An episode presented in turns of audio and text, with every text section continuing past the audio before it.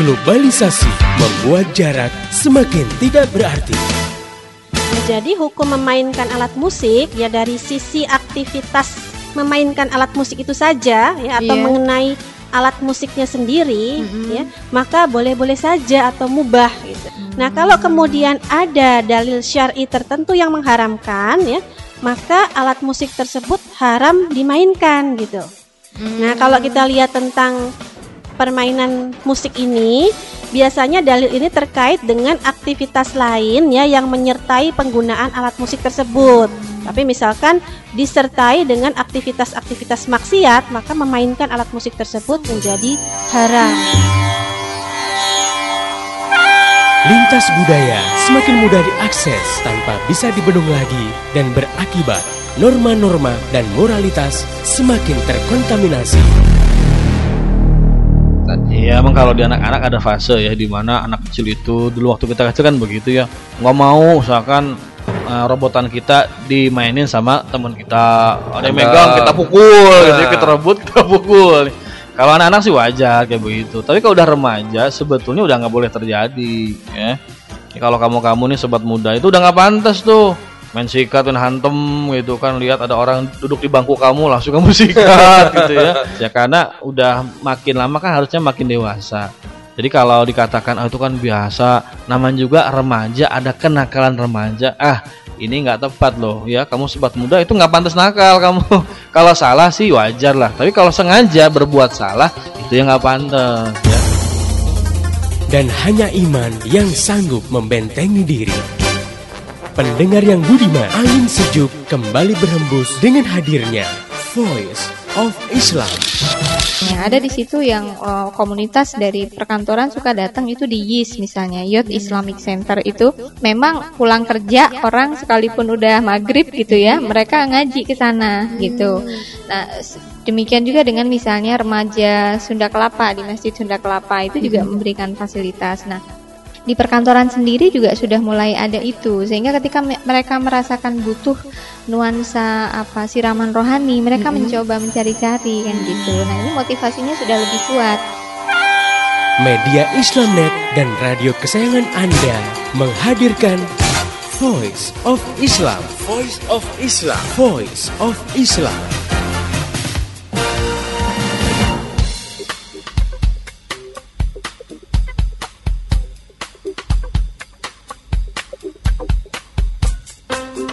Halo Indonesia, Assalamualaikum warahmatullahi wabarakatuh. Jumpa dengan saya Bunga Intan dalam program Voice of Islam. Kerja bareng media Islamnet dengan radio kesayangan Anda ini. Dan selama 30 menit ke depan Voice of Islam akan mengisi ruang dengar Anda dalam rubrik Female Chatting. Pendengar yang budiman, saya nggak sendiri telah hadir untuk mengasuh rubrik ini Ustazah Insinyur Nani Wijayati. Beliau adalah pengasuh Women's Chatting on Islam dan penulis lepas untuk media-media nasional. Assalamualaikum Ustazah. Waalaikumsalam warahmatullahi wabarakatuh Dan hari ini kita juga ditemani oleh Mbak Eva. Mbak Eva adalah Ketua Kelompok Studi Islam di Standard Chartered Bank. Assalamualaikum Mbak Eva. Waalaikumsalam warahmatullahi wabarakatuh, Mbak. Bagaimana kabarnya hari ini? Alhamdulillah baik. Oke, nanti kita ngobrol-ngobrol ya. Pendengar yang budiman, mengaji biasanya identik dengan membaca Quran yang dilakukan oleh para ibu-ibu eh, ibu-ibu rumah tangga dalam majelis taklim majelis taklim di rumah atau di musola atau di masjid sekitar rumah. Tapi ternyata sekarang ini yang namanya mengaji atau lebih tepatnya mengkaji juga sudah merambah area perkantoran. Ya, ini suatu berita yang menggembirakan tentunya ya. Eh, kita akan bersama membahas dengan narasumber dan tamu kita di Female Chatting dengan judul Ngaji di Kantor, Why Not? Oke, eh, buat Mbak Eva. Mbak Eva terkait dengan tema di atas, benar nggak sih aktivitas mengaji itu sudah marak dilakukan di perkantoran? Seperti yang kita tahu bahwa kan perkantoran itu tempatnya orang-orang yang sibuk dengan segala aktivitas bisnis ya. Nah, di perkantoran Mbak Eva sendiri gimana? Mbak Bunga dan eh, pendengar yang budiman terkait dengan eh, tema kali ini yaitu eh, mengaji di, di perkantoran. Kenapa tidak? Sudah amat marak sekali. eh, ini terjadi di perkantoran-perkantoran khususnya di Jakarta. Lebih lebih khususnya lagi di sekitar Sudirman, Tamrin dan Kuningan. Mereka sudah ada kesadaran untuk membuat eh, satu fasilitas men- menampung para pekerja-pekerja yang memang concern untuk uh, mengkaji Islam, mengenal Islam lebih jauh di tengah kesibukan-kesibukan mereka. Dan ini juga terjadi pada kantor tempat saya bekerja gitu. Alhamdulillah juga ini berlangsung sudah sudah lama, sudah cukup lama dan sampai sekarang uh, masih berlangsung baik dan uh, kita pelihara dengan baik. Uh, untuk Mbak Nani, menurut Mbak Nani apa sih yang membuat mereka termotivasi untuk ikut dalam kajian di kantor tempat mereka bekerja? Sementara mereka itu kan sudah cukup sibuk ya dengan segudang pekerjaannya. Baik, Mbak Bunga Intan dan pendengar yang budiman, Alhamdulillah kali ini mungkin uh, perbincangan kita ini mudah-mudahan bisa menjadi uh, motivasi untuk teman-teman yang lain di perkantoran. Sejauh saya mengamati selama terjun di kajian-kajian perkantoran khususnya di Jakarta ya lewat apa beberapa wadah yang dibentuk oleh teman-teman seperti misalnya yang saya asuh Women's Chatting on Islam. Mm -hmm. Kemudian mungkin di kantor Mbak Eva itu namanya kelompok studi Islam Standar Chartered Bank. Mm -hmm. Kemudian ada lagi eh, kajian dakwah Islam di mm -hmm. Bank Danamon Syariah misalnya. Mm -hmm. Kita lihat uh, ya orang-orang atau teman-teman yang datang ke kajian-kajian tersebut tentunya mungkin memiliki beragam motivasi. Nah, yang pertama mungkin yang paling rendah lah ya motivasinya itu mungkin ya karena mereka uh, diajak oleh temennya dan dia ingin tahu gitu ya iseng pengen tahu uh, kalau ngaji di situ di kantor di KSI misalnya kita ngobrolin apa sih gitu kita hmm. belajar apa sih gitu jadi ada yang motivasinya pertama kali mungkin dia iseng gitu dia ingin tahu gitu di sana apa nyaman apa enggak sih yang kita dengerin kayak apa gitu. Mm -hmm ada juga mungkin yang lebih lebih punya motivasi yang agak kuat gitu ya. Itu karena kondisi kering spiritual barangkali ya, dengan rutinitas kerja dan kehidupan perkantoran yang sudah menguras seluruh energi, iya. pikiran dan tenaganya. Nah, mungkin akan dirasakan bahwa uh, apa ya yang bisa membuat hatinya sejuk, yang bisa membuat kita kuat dalam menghadapi berbagai persoalan kehidupan. Nah, kemudian kekeringan spiritual inilah yang menyebabkan mereka ingin mencari gitu. Nah, mencari ini akhirnya kan larinya ke wadah-wadah yang memang ada gitu, yeah, yeah. entah lewat nyari informasi dari teman-teman mereka. Dan kalau di Jakarta itu misalnya beberapa masjid besar itu juga menyediakan fasilitas itu ya, seperti mm -hmm. di Masjid Al Azhar misalnya. Hmm. Ada di situ yang uh, komunitas dari perkantoran suka datang itu di YIS misalnya, Youth hmm. Islamic Center itu memang pulang kerja orang sekalipun udah maghrib gitu ya, hmm. mereka ngaji ke sana hmm. gitu. Nah, demikian juga dengan misalnya remaja Sunda Kelapa di Masjid Sunda Kelapa itu juga hmm. memberikan fasilitas. Nah, di perkantoran sendiri juga sudah mulai ada itu sehingga ketika me mereka merasakan butuh nuansa apa siraman rohani mereka mm -hmm. mencoba mencari-cari kan mm -hmm. gitu nah ini motivasinya sudah lebih kuat mm -hmm. dan biasanya mereka rajin ini yang iya, datang yeah, kalau yang pertama tadi kan iseng mm -hmm. cocok ya dia terus ikut nggak mm -hmm. cocok ya dia lepas gitu mm -hmm. larut lagi dalam kehidupan yang lain uh. gitu nah yang kedua mungkin dia akan mencari mm -hmm. dan yang mencari ini biasanya dia nggak berhenti hanya pasif menerima ya biasanya mm -hmm. dia akan membandingkan kalau ngaji di sini apa yang didapat sih kalau ke sana hmm. apa yang didapat gitu nah itu uh, motivasi yang kedua yang ketiga mungkin ada yang uh, sekalipun hanya mungkin bisa dihitung gitu beberapa hmm. Uh, tapi itu juga mereka kita anggap sebagai permata-permata Islam barangkali ya. Kalau saya boleh katakan, mereka yang sudah termotivasi oleh dakwah gitu. Hmm. Jadi mereka uh, memang sudah memahami Islam hmm. ya secara kafah dan dalam hati kecil mereka mereka ingin mengajak teman-teman yang hmm. lain untuk menyemarakkan kajian di perkantoran dan hmm. istilahnya menularkan pemahaman mereka kepada yang lain. Nah, ini hmm. udah motivasinya lebih tinggi lagi gitu hmm. dan biasanya mereka ini justru tidak berhenti hanya ngaji di kantor dia. Dia hmm. akan mencari kajian-kajian itu keluar. Apa yang tidak dia ketahui, hmm. dia akan kaji entah itu di pesantren, entah itu di lembaga hmm. ya, kajian dan dari situ kemudian dia bawa ke kajian dan rata-rata kalau yang sudah termotivasi seperti ini dia akan berupaya untuk membuat kajian-kajian di gedung atau di perkantoran yang belum ada kajian hmm. Islamnya gitu. Jadi beragam nih motivasinya. Subhanallah, semoga kita dan pendengar yang budiman juga termasuk orang yang semangat seperti itu ya. Amin, insya Allah. Kembali ke Mbak Eva nih. Mbak Eva, eh, kendala-kendala apa yang ada dalam mengadakan kajian di kantor ini? Bentuk-bentuknya seperti apa? Apakah sangat menantang? Silakan. Oke, eh, pastinya ada ya, pastinya ada gitu. Mungkin suatu hukum alam ya, pada saat ada kebaikan di sana itu tidak berjalan dengan mulus Mm-mm. dan mudah-mudah saja gitu. Ini kan juga salah satu apa ya, caranya Allah kan menguji Mm-mm. sampai di mana kecintaan kita kepada kepada Allah Subhanahu Wa Taala. Kemudian terkait dengan kajian di perkantoran pasti ada. Eh, tidak semua merespon dengan baik, tidak semua eh, mengiyakan gitu.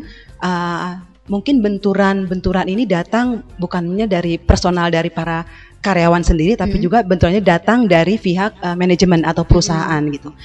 Contoh mungkin uh, benturan-benturan atau kendala yang datang dari personal pada saat mereka kita undang, mencoba untuk mengundang mereka lewat email, kemudian uh, mencoba mengundang mereka tuh dengan membe- uh, menempel undangan-undangan di setiap lantai, tapi ternyata responnya juga tidak seperti yang kita harapkan gitu Mm-mm. kalau kita bertanya kepada mereka per masing-masing orang, mereka menjawab nggak sempat Mm-mm. karena target pekerjaan mereka tuh lebih mereka utamakan lebih mereka prioritaskan gitu. Mm-mm. Atau juga ada yang bilang sholat saja sudah cukup gitu, nggak perlu mengkaji-kaji lagi yang bikin mereka sudah pusing dengan Capek. pekerjaan, ditambah lagi harus mikir juga gitu. Iya, iya. Atau juga sekarang ini kan sedang marak dengan aliran sesat. Ada kekhawatiran juga buat mereka untuk bergabung ikut dalam kajian-kajian Iya. yang mereka pikir belum jelas ke mana Iya, iya, gitu. Takut terjebak. Benar gitu. Jadinya eh, hal itu ada dan itu sudah tadi saya bilang mungkin sudah hukum alam. Kemudian benturan-benturan lain juga datang dari pihak manajemen dari perusahaan gitu. Mungkin mereka inginnya itu karyawannya itu bekerja seoptimal mungkin. Dalam arti kita kan memakai jam eh, jam apa ya? Kalau hari Jumat kita memakai jam makan siang Mm-mm. dan juga mungkin kalau hari Kamis di kantor saya terutama itu eh, jam pulang kerja. Mungkin mereka pikir gini, kalau kita pakai di hari eh, Jumat siang, kadang-kadang kan kita kan karena diskusi yang hangat jadi agak sedikit mulur waktu. Mm-mm. Nah, mungkin mereka pikir ini seperti merugikan buat buat buat pihak perusahaan gitu. Mm-mm. Uh, uh, mereka datang karena ada kajian, mereka uh, kembali lagi ke bekerja itu uh, mundur waktu. Mm-mm. Atau juga kalau di uh, di akhir jam kantor harusnya kan mereka tidak tidak bermasalah kan karena itu sudah jam kantor sudah selesai. Iya. Tapi tetap aja ada ada ada teguran, ada masalah. Mungkin mereka mengharap kita tuh untuk bisa lembur overtime untuk mengejar target di hari berikutnya. Jadi Hmm. kalau kalau kita pakai buat mengkaji kan berarti kan mereka sedikit kategori rugi dalam uh, tanda kutip gitu Mm-mm. dalam persepsi mereka. Iya, Mungkin iya. itu yang terjadi uh, secara personal ada dan benturan dari pihak manajemen juga juga ada gitu. Mhm.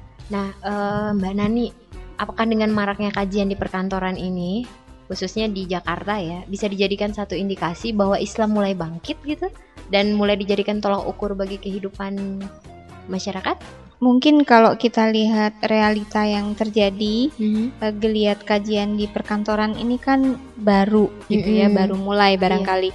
Eh, misalnya kayak eh, saya dengan teman-teman di perkantoran di Jakarta, Women Chatting Women Chatting on Islam itu Mhm. kita bentuk dari tahun 2004 lah ya. Hmm. Setelah eh, sebelumnya sebenarnya memang kita sudah ada kajian-kajian, tapi keinginan untuk eh, lebih menggaungkan kembali, lebih menularkan untuk mengajak teman-teman yang lain kita bikin. Dan biasanya eh, kita bikin acara-acara yang eh, lintas perkantoran, lintas gedung gitu, Hmm. sehingga mereka baru baru tahu oh iya bagus juga ya kalau di kantor aku, kalau di gedung aku ada juga kajian begini, Hmm. gimana caranya dan Hmm. lain-lain gitu ya. Nah eh, kita lihat realitanya itu memang beragam gitu ya.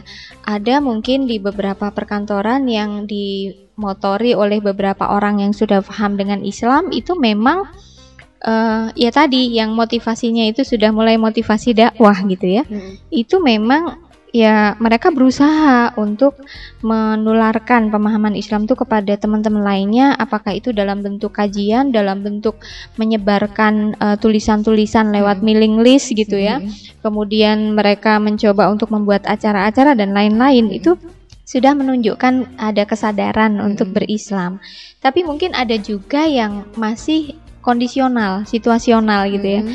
Nah, misalnya beberapa kantor itu mungkin karena memang ya tadi belum terbentuk kesadaran Islamnya, Mhm. dia mungkin hanya memanfaatkan momen-momen peringatan Islam Hmm. gitu. Jadi kalau ada Maulid Nabi, mungkin dia mengundang salah satu penceramah Mhm. ya apakah itu ustadz ustazah yang eh, sudah terkenal ya seperti misalnya Pak Quraisy Shihab di instansi-instansi pemerintah juga itu biasanya kondisional sifatnya jadi ada uh, event peringatan Islam itu pasti mereka ada.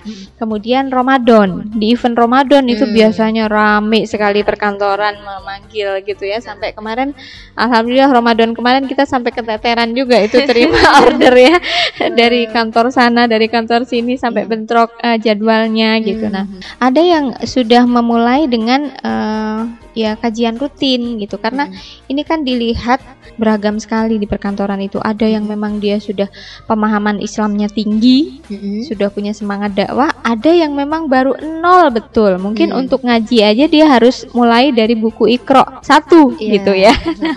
Ah, ini kan beragam gitu. Jadi kalau dibilang apakah ini menunjukkan indikasi mulai ada kebangkitan, ya semangat ya, semangat untuk dia belajar Islam Mm-mm. itu ada gitu. Apakah Islam sudah dijadikan sebagai standar hidup mereka? Mm-mm. Belum semua, tergantung Hmm. dari kedalaman pemahamannya Mm. gitu. Tapi ya eh, kita berharap ya ke Iya. depan gitu ya.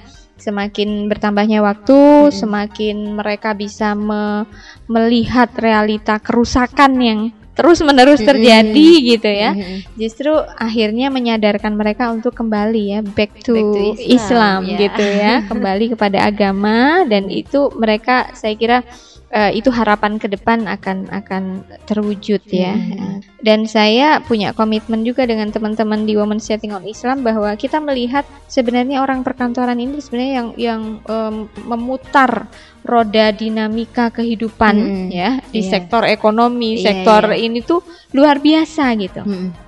Jadi eh, seharusnya mereka lah yang juga menjadi pelaku utama untuk memutar roda dakwah gitu. Iya, iya. Jadi karena apa mayoritas kan muslim. Iya, iya. Semua karyawan mayoritas muslim Mm-mm. di di Indonesia. Kalau Mm-mm. bukan mereka sendiri yang menggerakkan roda dakwah terus siapa gitu. Mm-mm. Jadi saya kira eh, kita punya harapan kepada teman-teman perkantoran tidak cuma di Jakarta.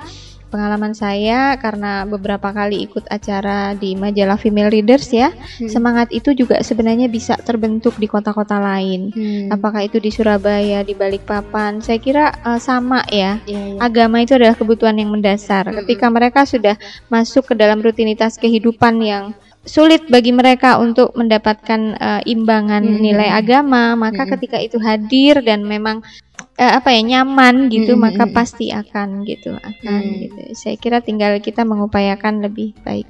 Eh, Mbak Nani buat seorang Mbak Nani nih yang kita ketahui bersama sebagai seorang muslimah yang peduli akan saudara muslim lainnya. Oke, kontribusi apa yang telah eh, dan akan dilakukan untuk memelihara dan meningkatkan geliat kajian di perkantoran? Nah, sebagai bukti tanggung jawab seorang muslimah di hadapan Allah Subhanahu wa taala.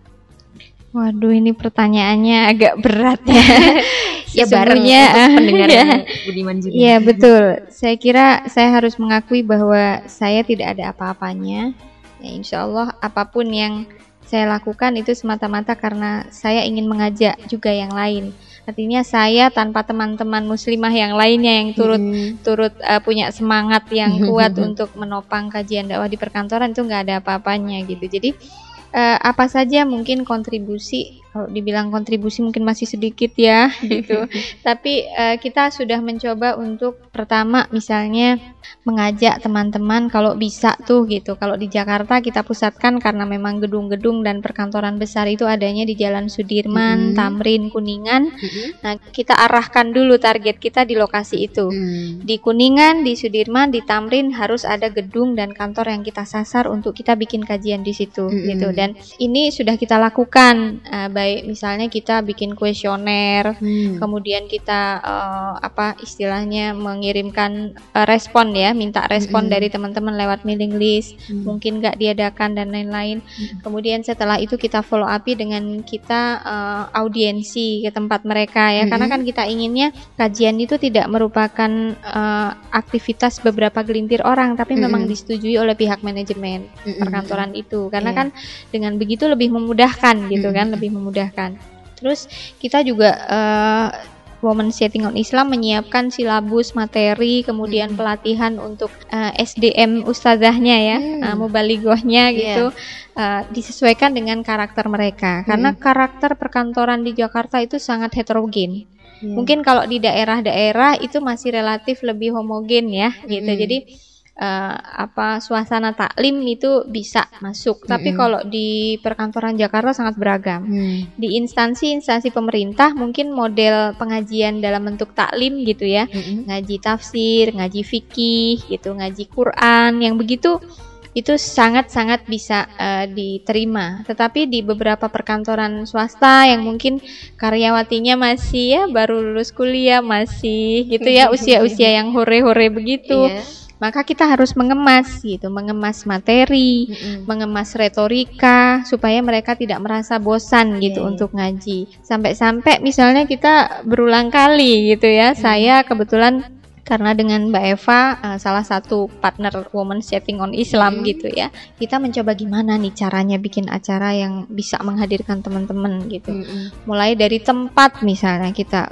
tempat nih kalau dibawa ke masjid kayaknya kebayang kan di Mm-mm. Jakarta itu eh, Sudirman aja sepanjang apa gitu kan Gatot Subroto sepanjang apa gitu kalau diarahkan ke satu masjid yang di ujung itu sulit gitu Mm-mm. jadi kita sampai cari tempat yang strategis apa yang Mm-mm. membuat mereka mau tertarik datang ke situ kadang kita sampai misalnya eh, booking tempat itu semacam kafe gitu di Hmm. tempatnya Mbak Eva nih ada di Iya, Standard Chartered Bank itu kafe oksigen itu di lantai 8 yang khusus memang eh, bisa nyaman gitu untuk Hmm. acara di situ Iya, sambil sambil kayak ngobrol-ngobrol talk show gitu ya Hmm. bincang-bincang itu lebih nyaman Nah, kemudian eh, juga untuk penariknya karena mereka kan acara itu kita bikin bukan di waktu libur ya Sabtu Mm-mm. Minggu itu kan udah hari istirahat mereka nggak bisa diajak ke kantor lagi Mm-mm. udah Senin sampai Jumat pulang malam gitu kan Sudah, Hmm. akhirnya kita pilih misalnya hari Jumat malam karena Mm-mm. apa besoknya kan libur nggak apa-apa Iya. mereka agak malam dikit pulang Mm-mm. jadi kita bikin acara itu malam gitu saya kira mungkin kendala yang seperti ini tidak dialami oleh teman-teman di daerah akan lebih mudah kalau teman-teman di kota-kota kecil ya Mm-mm. mungkin mereka bisa memanfaatkan pulang kantor tuh masih sore atau Jumat waktu Iya. Jumatan Mm-mm. gitu ya Nah ini sampai kemudian kita coba untuk berpartner dengan media atau artis gitu. Hmm. Media itu ya salah satunya misalnya Nur ya majalah Nur, majalah Female Leaders misalnya, terus eh, beberapa artis mus yang sudah mengenakan kerudung Mm-mm. gitu. Kita coba untuk dialog bersama sampai segitunya gitu kita coba Iya, iya. kemas supaya mereka tertarik Mm-mm. untuk datang ke sana. Nah, mudah-mudahan sih eh, beberapa upaya yang kita lakukan ini memberikan jalan gitu ya kepada mereka ya mungkin tidak bulan ini, mungkin tidak tiga bulan ke depan, tapi saya kira mudah-mudahan eh, itu membekas kepada mereka dan Mm-mm. mereka bisa melanjutkan kajian itu di mana saja. Mm-mm. Subhanallah ini pasti memotivasi pendengar yang budiman juga ya untuk mengadakan kajian-kajian di kantornya gitu. Tapi itu tadi kerikil-kerikil selalu ada di jalan gitu ya. Nah sekarang ke Mbak Eva, solusi-solusinya gimana Mbak? Ketika kita menemukan benturan-benturan atau eh, rintangan lah ya untuk memuluskan jalan kajian ini. Oke, terima kasih Mbak Intan. Sudah saya paparkan ternyata memang ada kerikil dan kendala pada saat kita mau tetap ini berlangsung, kajian ini berlangsung. Mhm. Bukan berarti tetap kita lantas diam, Iya. diam dan tidak mencari solusi. Mhm. Eh, ada satu fenomena mungkin untuk eh, orang eh, para muslimah di kantor yang sudah berkerudung berkerudung itu dijadikan tempat bertanya biasanya Iya. ya gitu. Nah kadang-kadang pada saat lagi mereka lagi bete, mereka punya masalah dengan suami kah, dengan anak kah, Mhm. dengan eh, kantor sendiri gitu. Mereka Iya. kadang-kadang suka sedikit curhat. Curhatnya mereka itu kita jadikan peluang. Ini Mhm. kalau benturannya eh, dari segi eh, individual personal ya, Mhm. mereka yang nggak mau ngaji. Pada saat mereka curhat ke kita dengan masalah mereka itu peluang buat Mhm. kita untuk me- mengenalkan mereka kepada Islam gitu. Bahwa Mhm. Islam adalah solusi dengan cara yang ma'ruf, dengan cara pendekatan yang yang enak lah. Jadi Ah, mereka ah. mereka tidak merasa mereka digurui gitu. Ah, ah. Atau mungkin lewat pengiriman-pengiriman uh, artikel-artikel Islam lewat email yang Mm-mm. memang ada uh, difasilitasi oleh kantor gitu. Iya. Atau mungkin kita sedikit kasih hadiah-hadiah kecil tuh buku-buku kecil gitu. Hmm. Yang berharap dengan dengan apa yang kita lakukan akhirnya tuh mereka sadar untuk mulai uh, mengenal Islam dan mulai juga untuk datang ke kajian-kajian yang kita tawarkan. Mm-mm. Jadi uh, mencoba untuk uh, mereka sadar diri bahwa ini tuh perlu. Dan di tengah kesibukan itu mereka juga mesti menyempatkan diri untuk datang, untuk mengenal Iya. Islam yang tadi saya bilang sebagai solusi dari segala masalah kehidupan gitu. Mm-mm. Itu untuk segi personal gitu yang kita lakukan. Kemudian selain paket-paket, mungkin juga ada paket-paket yang tadi kayak Mbak Nani pada saat ada ada satu momen ada dialog muslimah kah, bincang-bincang muslimah kah itu sudah itu sering kita lakukan gitu sebagai daya tarik supaya mereka tuh untuk datang. Atau kalau sekarang benturannya eh, datang dari sisi eh, manajemen atau perusahaan, kalau tadi mereka komplain tentang tidak tepat waktu segala macam itu kita buktikan bahwa kita bisa profesional gitu loh. Hmm. Bahwa kajian yang kita lakukan di tengah eh, di suasana kantor atau di jam di jam kantor satu sa- eh, jam 8 jam itu itu tidak mengurangi eh, apa ya?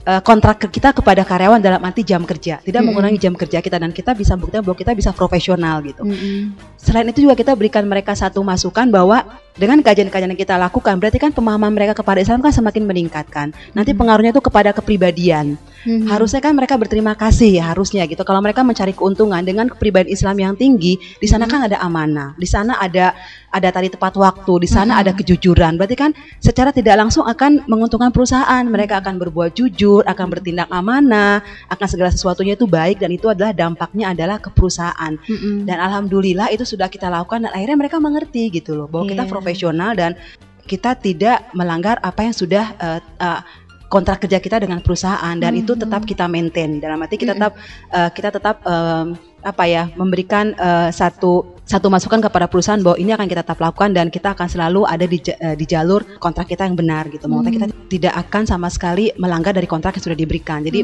menjamin lah kita bisa menjamin Iya, iya, kepada iya. mereka bahwa ini aman-aman saja gitu. Mungkin itu eh, yang sekarang ini eh, telah dan eh, tetap kita lakukan gitu. Mm-mm. Buat Mbak Nani, bagaimana caranya agar para saudara muslimah yang dengan niat dan semangat mereka mengaji di perkantoran itu tetap istiqomah. Bahkan mereka bisa mewarnai teman-teman mereka yang eh, yang lain untuk bergabung bahkan ikut di kajian perkantoran ini. Baik, eh, mungkin yang pertama adalah belajar terus ya. Belajar terus itu belajar itu bisa di mana saja, dengan siapa saja dan kapan saja gitu. Asal tetap terus waspada ya, karena kan eh, ya rame-rame aliran sesat itu juga cukup berpengaruh gitu ya. Mm-mm. Bahkan beberapa waktu yang lalu saya sempat eh, dialog dengan salah seorang teman yang dia sempat sampai masuk ke dalam sebuah kelompok yang istilahnya mengkafirkan muslim yang lain di luar kelompoknya misalnya Hmm. itu betul-betul dengan kesadaran penuh gitu dia Iya, iya. gitu ya belajar terus eh, ya lewat kajian dan lewat buku-buku bacaan Mm-mm. yang kedua adalah selalu memelihara komunikasi hubungan sesama Mm. muslim ya, persaudaraan dan kasih sayang itu harus terus kita bina. Mm. Benar kata Mbak Eva dengan berikan hadiah, dengan menyapa, dengan Mm-mm. mau mendengar ketika mereka curhat, itu kemudian berikan eh, kekuatan kepada mereka. Karena Mm. sesungguhnya kehidupan di perkantoran itu kan sangat individualis. Mm-mm. Lo lo gue gue gitu. Nah, Mhm. dengan dengan komunikasi yang terus ini pasti dia akan merasakan bahwa oh kalau saya berteman sama ini benar-benar tulus loh dia Iya. gitu. Mau nggak cuman mau senengnya tapi pada saat Mm. pahit juga dia tetap menjadi teman baik gitu. Kemudian yang ketiga adalah ya kita mencoba untuk mendorong eh, mereka menjadi teladan gitu. Mm-mm. Karena kan dalam dunia perkantoran itu luar biasa lifestyle-nya itu udah lifestyle eh, apa copy pastenya barat gitu loh. Jadi mereka pasti akan merasa mungkin nggak percaya diri, Iya. jadi agak gak gaul gitu Mm-mm. dan motivasi bahwa ini sesuatu yang benar dan ketika kamu bertahan dengan ini maka akan semakin banyak orang yang akan mengikuti kamu kan gitu. Mm-mm. Jadi mem- memotivasi mereka untuk menjadi teladan buat yang lain Hmm. yang udah mulai berkerudung pelan-pelan nih harus berani itu menjadi Iya, iya. teladan. Kemudian yang keempat adalah kita mencoba mengupayakan ada wadah-wadah yang memang memenuhi kebutuhan mereka. Mm-mm. Jadi seperti kalau memang mereka belum bisa belum paham fikih ya mungkin memang harus kita jadwalkan kajian fikih. Mm-mm. Kalau memang mereka tidak memahami Islam secara kafah, kita adakan sanlat atau daurah gitu pada saat Mm-mm. mereka libur. Dua Iya, hari, iya. tiga hari kita bawa ke puncak nih. Mbak Hmm. Evan yang rutin begitu ya berhasil insya Allah. Nah ini yang yang yang akan terus memelihara itu gitu ya. Iya. Dari tahun ke tahun kita harapkan selalu ada banyak orang yang peduli dengan Islam. Oke, baik. Oke, pendengar yang budiman, itu tadi bahasan kita ya, menarik sekali. Satu hal yang bisa kita simpulkan di sini bahwa ngaji di kantor itu bukan sesuatu yang aneh, justru penting sekali, bahkan mempengaruhi profesionalitas ya, bahkan menguntungkan perusahaan juga. Kemudian kemasannya tidak selalu harus seperti yang kita bayangkan eh, image pengajian yang pada masa yang telah lampau gitu ya, bisa dikemas semenarik mungkin dan eh, bisa menyebar luas di kalangan mana saja. Oke, buat pendengar yang ingin bertanya, memberikan kritik, saran, dan masukan, Anda bisa kirim surat ke radio kesayangan Anda ini atau kirim SMS ke nomor 085694924411 atau bisa juga melalui email ke mediaislamnet@yahoo.com. Untuk informasi lebih jauh tentang Voice of Islam, radio-radio di seluruh Indonesia yang menyiarkannya, topik-topik yang akan dibahas dan juga info-info lainnya, silakan klik ke www.gaulislam.com. Saya Bunga Intan dan seluruh kerabat kerja yang bertugas mengucapkan terima kasih kepada Ustazah Nani atas penjelasannya dan juga Mbak Eva. Buat pendengar yang setia juga yang telah mengikuti acara ini, pesan saya sampaikan apa saja yang telah Anda peroleh dari acara ini kepada yang lain agar rahmat Islam bisa segera tersebar luas termasuk di kota Anda yang tercinta ini. Mari menimbang masalah dengan syariah. Assalamualaikum warahmatullahi wabarakatuh. Demikian tadi Voice of Islam. Voice of Islam. Semoga hikmah yang terkandung bermanfaat untuk kita semua. Amin, amin, amin. Ya Robbal Alamin. Kembali bisa Anda dengarkan Voice of Islam. Voice of Islam menghadirkan topik-topik seputar kehidupan kita esok hari di waktu dan gelombang yang sama.